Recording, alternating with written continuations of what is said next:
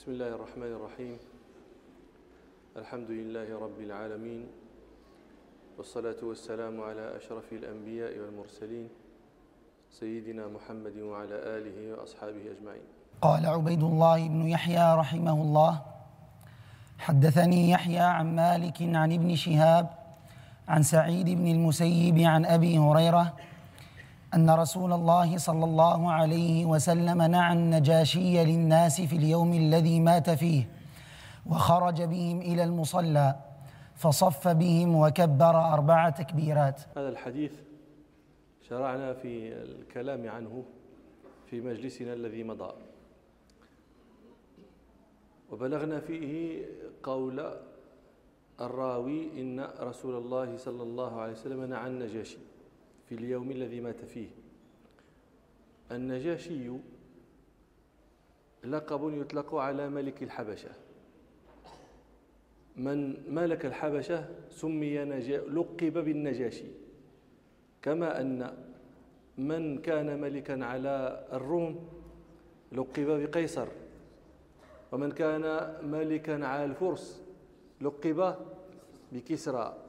ومن كان ملكا على مصر لقب بفرعون ومن كان ملكا على اليمن لقب به تبع. ومن كان ملكا على الترك لقب به. واش من نجاشي يتلفوا تقولوا النجاشي. ومن كان ملكا على الترك لقب بخاقان. والنجاشي هذا قال بعض العلماء اسمه أصحمه لما رواه البخاري ومسلم في صحيحيهما عن جابر بن عبد الله رضي الله عنهما أن رسول الله صلى الله عليه وسلم قال ما يوم مات النجاشي مات اليوم رجل صالح فقوموا فصلوا على أخيكم أصحمه. وقال بعض العلماء اسمه صحمة فإن عند الإمام أحمد رواية لحديث جابر هذا وفيها أن رسول الله صلى الله عليه وسلم قال للصحابة يوم مات النجاشي صلوا على أخ لكم مات بغير أرضكم. فقالوا من هو يا رسول الله؟ فقال صلى الله عليه وسلم النجاشي صحمة. وقال بعض أهل التواريخ والسير اسمه مصحة.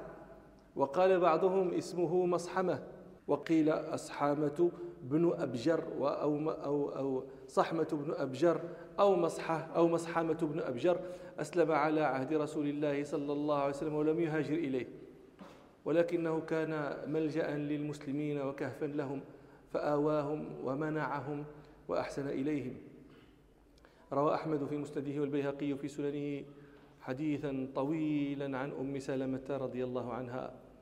قالت آه، لما آه، ضاقت بنا مكة. وأوذي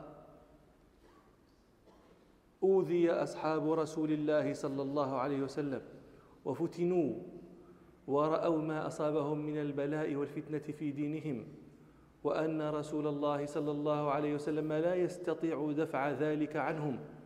وكان رسول الله صلى الله عليه وسلم في مناعة من قومه وعمه. لا يصل إليه شيء يكرهه مما ينال أصحابه صلى الله عليه وسلم.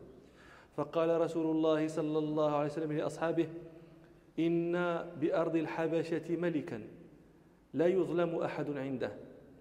فالحقوا ببلاده حتى يجعل الله لكم فرجا ومخرجا مما أنتم فيه.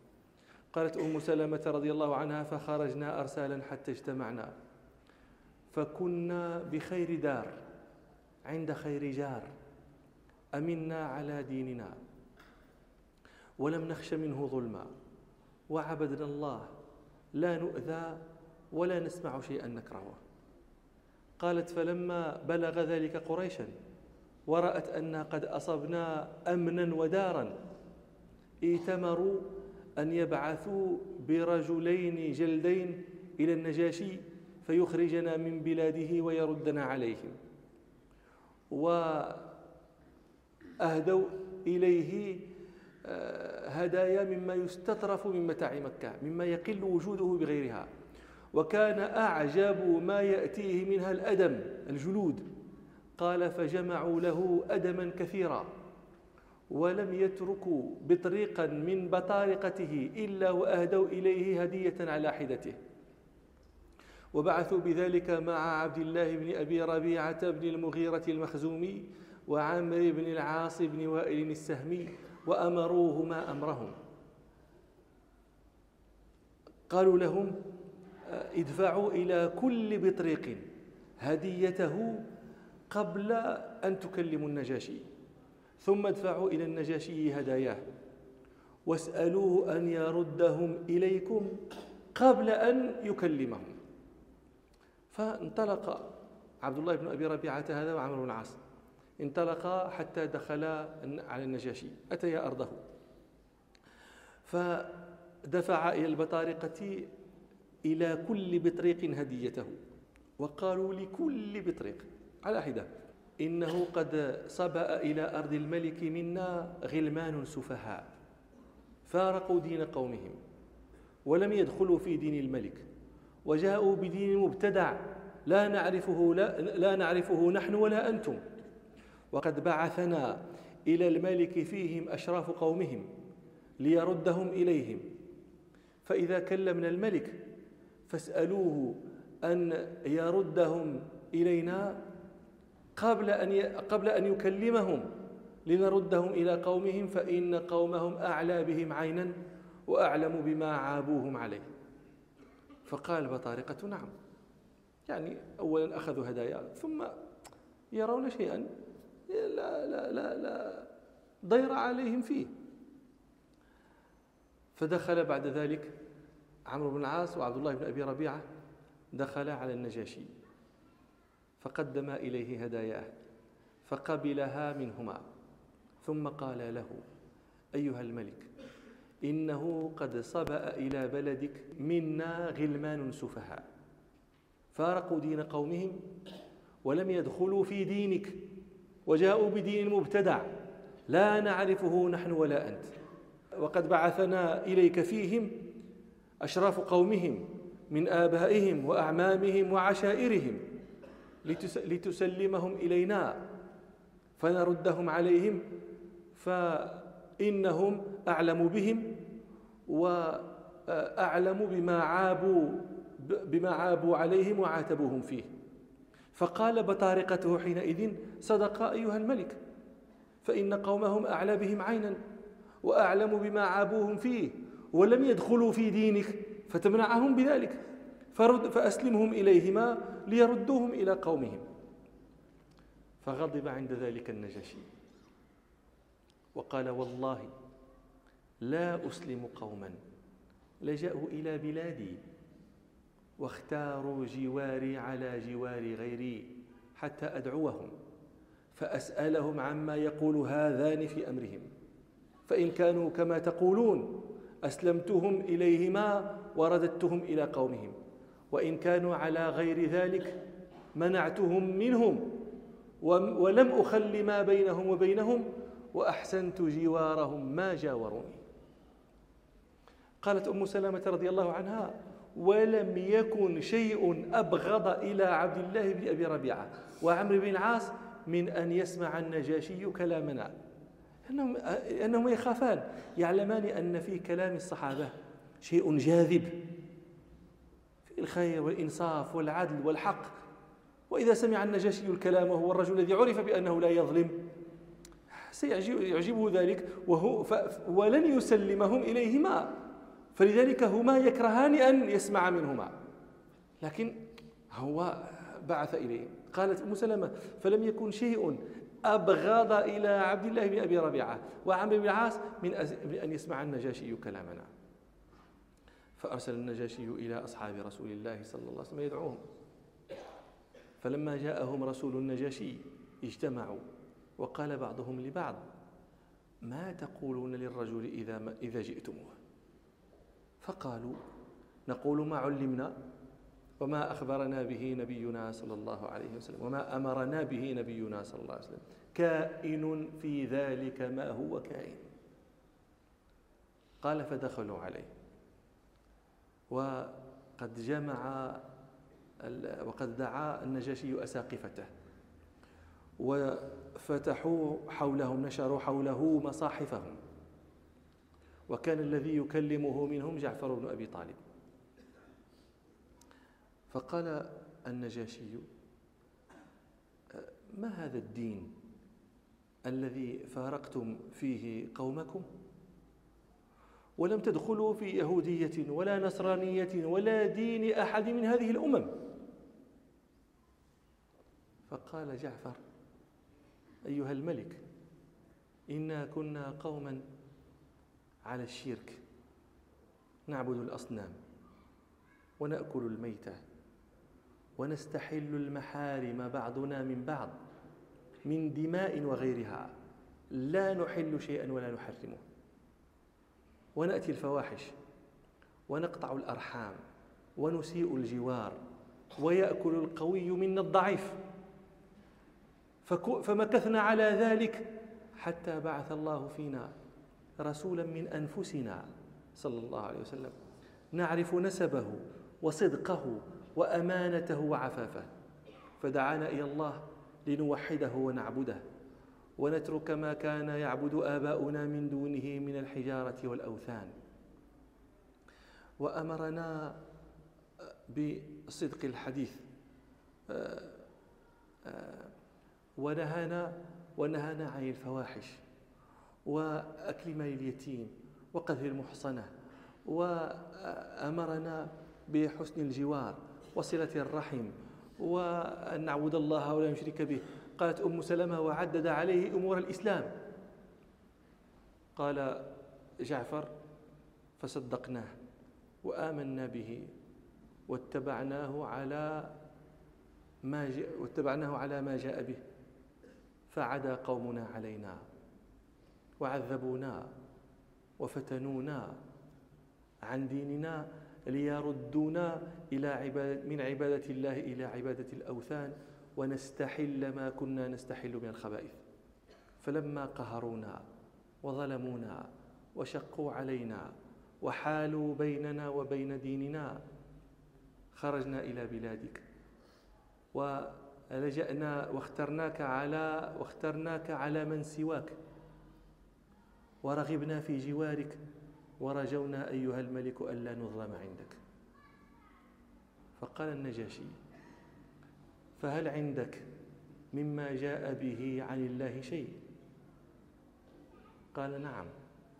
قال فاقرأ علي منه. فقرأ جعفر رضي الله عنه صدرا من كافا يا عين صاد ذكر رحمة ربك عبده زكريا إذ نادى ربه نداء خفيا إلى آخره. صدرا من سورة مريم. قالت أم سلمة فبكى والله النجاشي حتى أخضل لحيته. وبكى أساقفته حتى أخضلوا مصاحفهم. وقال والله إن هذا والذي جاء به موسى ليخرجان من مشكاة واحدة. ثم التفت إلى عبد الله بن أبي ربيعة وعبد بن العاص وقال لهما انطلقا فوالله لا أسلمهم إليكما أبدا. قالت أم سلمة فخرجنا من عنده. فقال عمرو بن العاص لعبد الله بن أبي ربيعة. والله لأخبرنه بعيبهم عنده لأنبئنه بأنهم يزعمون أن إلهه الذي يعبده عيسى بن مريم عبد وأستأصل به خضراءهم. قالت أم سلمة فقال عبد الله بن أبي ربيعة وكان أتقى الرجلين فينا لا تفعل. فإن لهم أرحاما وإن كانوا قد خالفونا. هو يخشى هذا عبد الله بن أبي ربيعة يخشى على عليهم لأنه هذه بالنسبة له هذه هذه هذه هذه هذه المستأصلة هذه التي هذه الجائحة. وإن علم بها يظنان أنه إذا علم بها النجاشي فإنه القتل الذريع الذي لا شك فيه. وهم الأهل والعشيرة وإن كانوا قد خلفونا قال عمر بن العاص قال عبد الله بن أبي ربيعة لا تفعل فإن لهم أرحاما وإن كانوا قد خالفونا. فقال عمرو بن العاص والله لأنبئنه بأنهم يزعمون أن عيسى بن مريم عبد.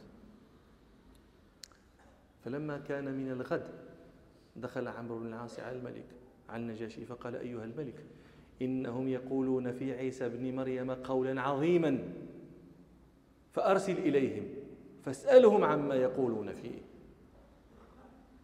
قالت فأرسل النجاشي إلى أصحاب رسول الله صلى الله عليه وسلم يسألهم عما يقولون في عيسى بن مريم. قالت أم سلمة فلم ينزل, ينزل بنا مثله. هذه خطيرة. فاجتمع القوم وقالوا ماذا تقولون للملك إذا سألكم عن عيسى بن مريم؟ فقالوا نقول فيه ما قال الله فيه. وما جاء به نبينا صلى الله عليه وسلم. كائنا في ذلك ما هو كائن؟ ما يعني ما ماذا سنقول؟ فدخلوا عليه. حوله بطارقته قال ماذا تقولون في عيسى بن مريم؟ فقال جعفر نقول فيه الذي جاء به نبينا صلى الله عليه وسلم هو عبد الله ورسوله وروحه وكلمته ألقاها إلى مريم العذراء البتول. قال فقالت أم سلمة فدل النجاشي يده إلى الأرض فأخذ منها عودا ثم قال ما عدا عيسى بن مريم ما قلت هذا العود؟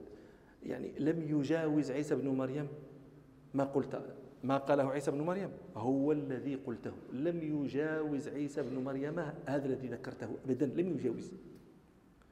قال فنخرت بطارقته. حين قال النجاشي ما قال؟ يعني ما كيف صوتوا وصاحوا وضوضوا؟ كيف تقول أنت هذا؟ هم يعتقدون النصارى يعتقدون أن عيسى ابن الله. وأنت تقول هو عبد الله ورسوله وكلمته وتزعم أنه أن عيسى هذا الذي قاله. فنخروا. نخر وطريقته فقال النجاشي وإن نخرتم والله. ثم التفت إلى أصحاب جعفر. قال انطلقوا فأنتم سيوم في أرضي. السيوم الآمنون بلسان الحبشة. أنتم سيوم بأرضي. من سبكم غرم. من سبكم غرم. والله ما أحب أن لي دبرا ذهبا. الدبر الجبل بلسان الحبشة. والله ما أود أن لي دبرا ذهبا. وأني آذيت رجلا منكم. ثم قال لي قال لعامر بن العاص ولصاحبه ردوا عليهما هداياهما فلا حاجة لنا بها. فوالله ما أخذ الله مني الرشوة حين رد علي ملكي فآخذ الرشوة فيه وما أطاع الناس في فأطيع الناس فيه. قالت أم سلمة فخرجا من عنده مقبوحين مردودا عليهما ما جاء به فكنا عنده في خير دار عند خير جار. قالت فلم نزل كذلك حتى خرج على النجاشي من ينازعه في ملكه. قالت فما علمنا قط حزنا أشد من حزن حزناه عند ذلك لأن قالت خشية أن يظهر ذلك على على النجاشي. فلا يعرف من حقنا ما كان النجاشي يعرفه من حقنا. قالت فاجتمع أصحاب قالت وسار النجاشي. وكانت الوقعة عند النيل. فاجتمع أصحاب رسول الله صلى الله عليه وسلم فقالوا من رجل منكم؟ يحضر الوقعة فيأتينا بالخبر. يعني هم من شدة خوفهم ومن شدة حزنهم أن يظهر هذا المنازع على النجاشي لا يستطيعون قرارا إلى أن تنجلي الحرب عما تنجلي عليه ويأتيهم الخبر. يحبون أن يأتيهم الخبر في حينه. فقالوا من رجل منكم يحضر الوقعة فيأتينا بالخبر. فقال الزبير العوام أنا وكان أحدث القوم سنا. قالت فنفخوا له قربة فجعلها في صدره ثم خرج يسبح حتى أتى النيل إلى أن جاء آه، موضع المعركة. قالت وجعلنا ندعو الله للنجاشي بالظهور على عدوه والتمكين له في بلاده. فاستجاب الله دعوتهم وأظهر الله النجاشي وهزم آه، منازعه. قالت واستتب له ملك الحبشة. فكنا عنده في خير منزل حتى رجعنا إلى مكة. هذه أم سلمة تقول رجعنا إلى مكة لأن الذين هاجروا إلى الحبشة طائفة منهم ملت المكوث في الحبشة فرجعوا إلى مكة قبل هجرة رسول الله صلى الله عليه وسلم. منهم أم سلمة والزبير بن العوام وعبد الله بن مسعود. وطائفة منهم رجعوا من الحبشة لما بلغهم أن النبي صلى الله عليه وسلم هاجر إلى المدينة. والباقون رجعوا مع آه، جعفر بن أبي طالب حين رجع إلى المدينة بعد موقعة خيبر. قول النجشي في هذا الحديث. فما أخذ الله مني الرشوة حين رد علي ملكي فآخذها منه ولا آه، أطاع الناس في فأطيعهم فيه. هذه هذه الجملة لا, لا, لا تفسر في في في حديث أحمد والبيهقي الذي ذكرت لكم. لكن فسرها ابن إسحاق بإسناد عن الزهري أن عروة بن الزبير قال للزهري هل تعلم ما قوله؟ إن الله لم يأخذ مني الرشوة حين رد علي ملكي فآخذها منه وما أطاع الناس فيه فأطيعهم فيه. هل تعلم معنى قولي هذا؟ قال الزهري لا. قال عروة بن الزبير فإن عائشة حدثتني أن أبا النجاشي كان ملكا على الحبشة ولم يكن له من الولد إلا النجاشي. وكان للنجاشي عم يعني كان لأبيه الملك أخ وذاك الأخ له اثنا عشر ولدا من صلبه فقال حبشة لو قتلنا الملك وملكنا أخاه لتوارث بنوه الملك فاستمر ملك الحبشة دهرا. يخافون لأن إذا مات هذا وولي ابنه النجاشي. ومات النجاشي ذهب ملك الحبشة لأن أولئك هم أهل بيت مملكة الحبشة. لكن إذا ولي أخوه وأخوه له اثنا عشر ولد من صلبه استمر الملك فيهم ظهرا. ففعلوا وقتلوا أبا النجاشي وملكوا أخاه. فنشأ النجاشي في حجر عمه وكان النجاشي لبيبا حازما فغلب على عمه. غلب على عمه يعني أحبه عمه حتى صار يقدمه على أبنائه. صار هو جليسه ونديمه ومستشاره وأبناؤه هؤلاء اثنا عشر وراء وراء. فلما رأت الحبشة ذلك قالوا نخشى أن يملكه. هم إنما قتلوا أباه لئلا يملك هذا لأنه سيذهب الملك. فقالوا نخشى أن يملكه. ولئن ملكه ليقتلن بقتل أبيه. فذهبوا إلى عمه إلى الملك وقالوا له إما أن تقتله وإما أن تخرجه من بين أظهرنا. ذكروا له ما يتخوفونه منه. فقال لهم عمه الملك قال قتلتم أباه بالأمس وأقتله اليوم بل أخرجه. فذهبوا به إلى السوق فاشتراه تاجر بستمائة درهم أخذ به وانطلق به ركب فيه به في سفينة ومضى. تلك العشي في تلك العشي جاءت هاجت سحابة من سحائب الخريف. فخرج الملك يستمطر تحتها فأصابته صاعقة فقتلته. تلك العشي فانطلق الحبشة إلى أبنائه. فإذا الملك محمق. المحمق هو الذي يلد الحمقى. يقال أحمق الرجل أو أحمقت المرأة. إذا كانت لا تلد إلا الحمقى. فإذا الملك محمق وليس في ولده خير. كلهم حمقى. 12 ليس فيهم من يصلح لشيء. فمارج أمر الحبشة. وضاق عليهم ما هم فيه. وقال بعضهم لبعض تعلمون والله أن ملككم الذي لا يصلح أمر أمركم غيره للذي بعتم. ذاك الذي بعتموه. هو الذي يصلح لكم ويصلح أمركم عليه.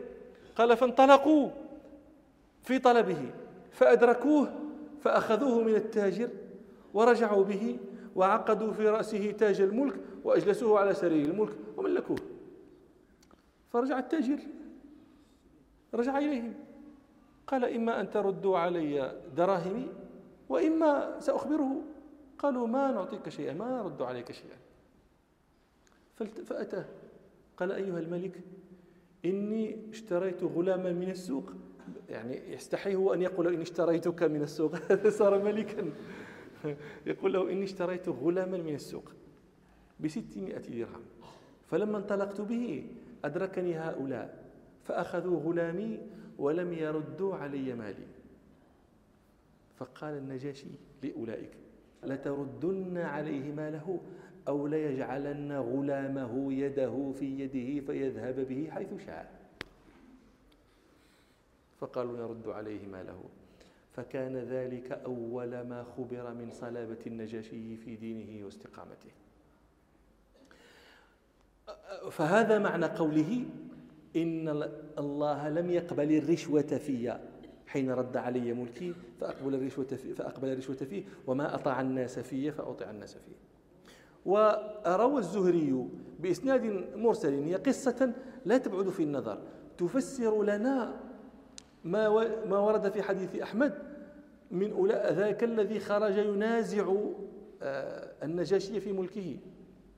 هي قصة أنا قلت لكم بإسناد مرسل لكن غير غير بعيدة في النظر. قالوا إن الحبشة أغضبهم أن ما قال الملك لجعفر. لما قال له ما عدا عيسى بن مريم ما قلت هذا العود. وقالوا فارق ديننا. فخرجوا عليه. فلما خرجوا عليه آه، انطلق هو إلى مراكب سفن فهيأها وجعل فيها جعفرا وأصحابه وقال لهم امكثوا حيث أنتم. فإن هزمتم فانطلقوا بسفنكم هذه حتى تلحقوا بحيث شئتم.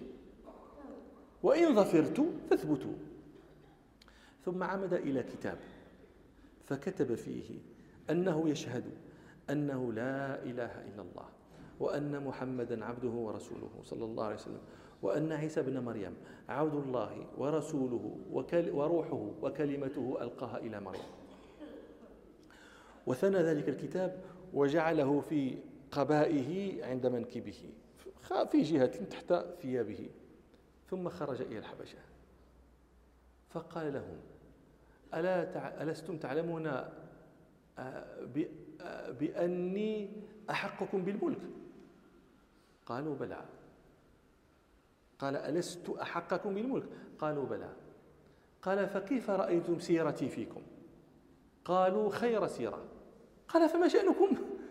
إذا كنت أحقكم بالملك وسرت فيكم خير سيرة. فما شأنكم لماذا تخرجون علي؟ قالوا فارقت ديننا. وزعمت أن عيسى بن مريم عليه السلام عبد. قال فماذا تقول أنتم؟ قالوا نقول هو ابن الله. قال فوضع يده هو على كتابه الذي يعلمه وهم لا يرونه. فوضع يده على كتابه وقال وأنا أشهد أن عيسى بن مريم لم يزد على هذا. وهو ينوي على هذا. أي الكتاب لم يزيد عيسى بن مريم على هذا. وهم يظنون أنه لم يزد على هذا أي هذا الذي تقولون. فرضوا حينئذ ورجعوا.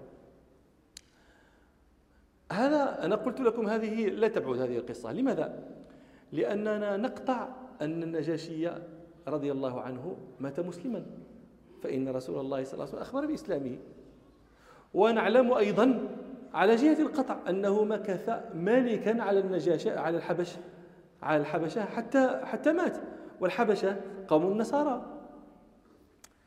فلا يبعد أن أن يكونوا قبلوا بحكمه عليهم وهو مسلم وهم نصارى لما رأوه من العدل فيهم والاستقامة وحسن السيرة. ولا يبعد أيضا أن يكون احتاله وبحيلة ليبقى ملكا عليهم. فقال ابن يعني في ابن إسحاق آه، إن رسول الله صلى الله عليه وسلم لما بلغه ذلك استغفر له. فالله أعلم أكان ذلك أم لم يكن. والنجاشي رضي الله عنه هو من زوج رسول الله صلى الله عليه وسلم من أم حبيبة بنت أبي سفيان رضي الله عنهما.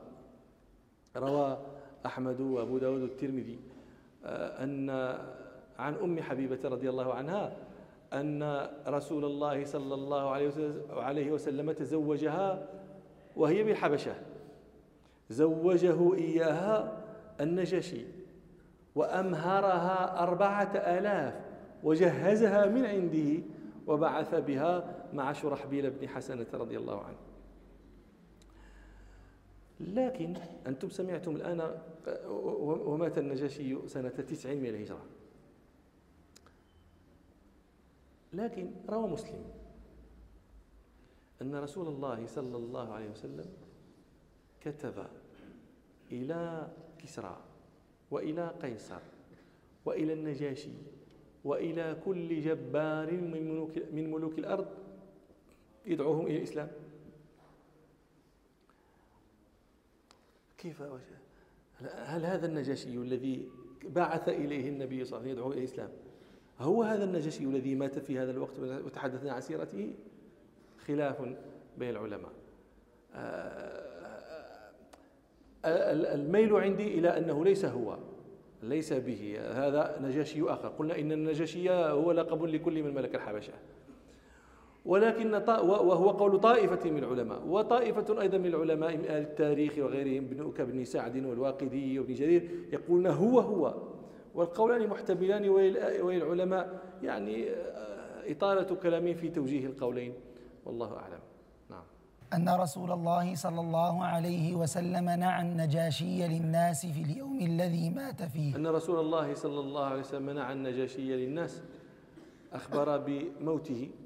رسول الله صلى الله عليه وسلم أخبر بموته الصحابة في اليوم الذي مات فيه. وهذا من دلائل نبوة رسول الله صلى الله عليه وسلم.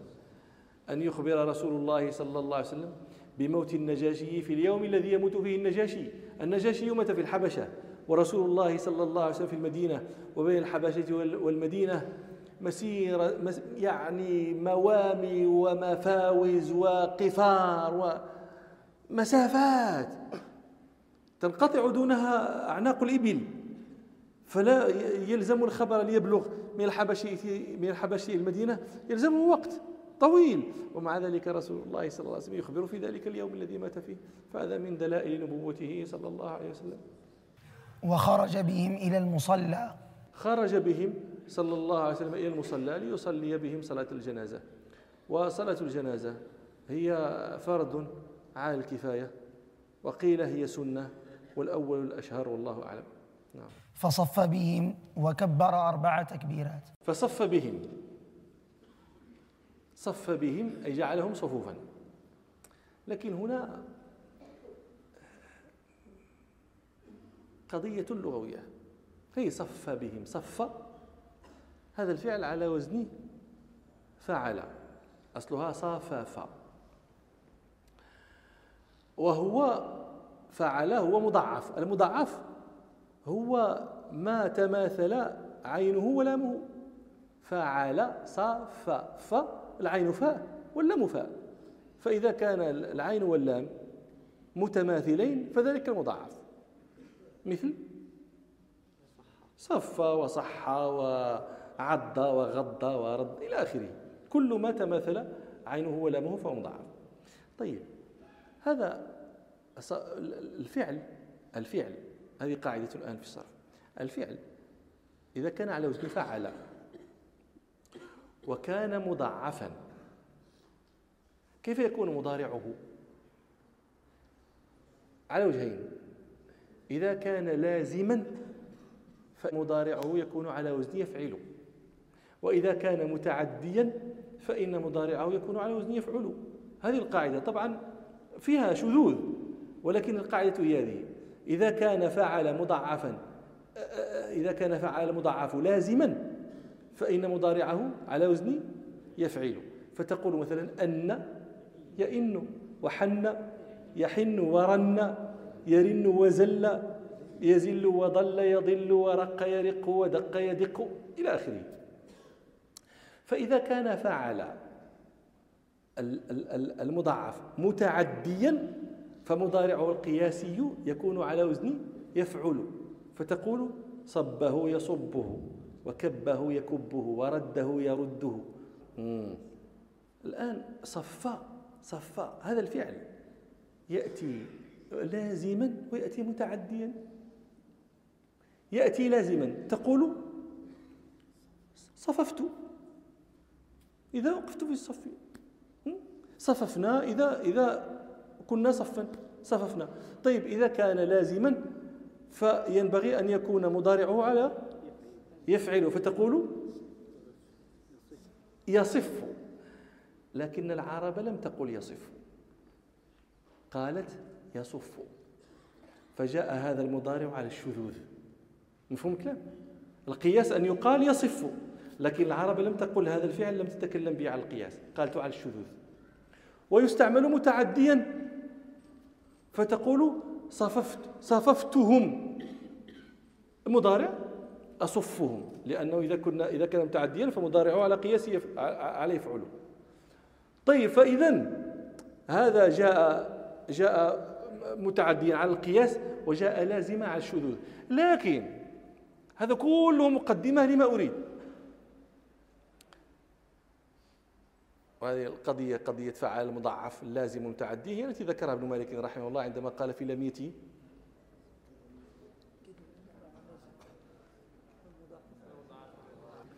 وأدم كسرا لعين مضارع يلي فعلا ذا الواو فاء أو اليا عينا أو كأتى كذا المضاعف لازما. ك... دابا توريتكم كحن طلا وضم عين معداه. ويندر ذا كسر كما لازم ذا ضم احتملا طيب هذا الفعل إذا كان لازما فإنه لا يتعدى. لا يتعدى أصلا. وإذا كان متعديا فإنه يتعدى بنفسه. ولا لا؟ نحن قلنا صف يستعمل لازما ويستعمل متعديا. صف القوم إذا كانوا صفوفا هذا غير متعد وإذا كان متعديا فإنه يتعدى بنفسه. فتقول صف الرجل القوم صف الإمام الناس. هنا انظروا في الحديث. قال الراوي فصف بهم. كيف؟ لماذا الحرف؟ لماذا الباء؟ فهمتوا كلام إذا كان لازما فينبغي أن يقال صف. وإذا كان متعديا ينبغي أن يقال فصفهم. يتعدى بنفسه. فلماذا يقال صف بهم؟ فهمتم الإشكال فين؟ على طيب إذا قلنا إن الفعل هنا صف هو اللازم. فالباء تكون بمعنى مع. يعني المعنى فصف معهم. صف معهم. وهل ترد الباء بمعنى مع نعم. يقول الديماني رحمه الله في معاني الباء. الباء للإلصاق في الأصل تعن. واقسم بها وعد عود واستعن. علل وجئك بدل بها ومع. تأتي بمعنى مع. مثل قول ربنا سبحانه قيل يا نوح اهبط بسلام منا وبركات اهبط بسلام أي مع سلام. طيب هذا إذا كان لازما. فإذا كان متعديا نحن قلنا فصفهم ينبغي أن يكون صفهم فتكون الباء حينئذ زائدة. لكن طبعا زائدة من جهة الصناعة النحوية لكن في من حيث المعنى من جهة الصناعة البلاغية فلا تكون زائدة إلا لنكتة. وورود هذه الباء زائدة لنكتة موجود. قال ربنا سبحانه حاكيا حال أم موسى عليه السلام. إن كادت لتبدي به. تقدير الكلام. لتبديه. الباء زائدة. لكن لمعنى. لنكتة. قال ربنا سبحانه وليضربن بخمرهن على جيوبهن. أي وليضربن خمرهن على جيوبهن. نعم. زيد. فصف بهم وكبر أربع تكبيرات. فصف بهم. صف بهم قلنا ليصلي صلى الله عليه وسلم بهم صلاة الجنازة. لكنه ها هنا لم يذكر كم كانوا من الصفوف. وقد ذكر ذلك في غير هذا الحديث. وقد جعلهم النبي صلى الله عليه وسلم صفوفا. وها هنا سؤال. النبي صلى الله عليه وسلم خرج بهم إلى الفضاء. وجعلهم صفوفا. لماذا؟ مع أن الفضاء فضاء. يمكن أن أن يصفوا صفا واحدا. ولا لا؟ وإن طال فإنهم يصفون صفا واحدا. وليس بالفضاء من من ضيق. فلماذا يجعلهم النبي صلى الله عليه وسلم صفوفا؟ أخبركم بجواب ذلك في مجلسنا القادم إن شاء الله. سبحانك اللهم وبحمدك أشهد أن لا إله إلا أنت أستغفرك وأتوب إليك والحمد لله رب العالمين.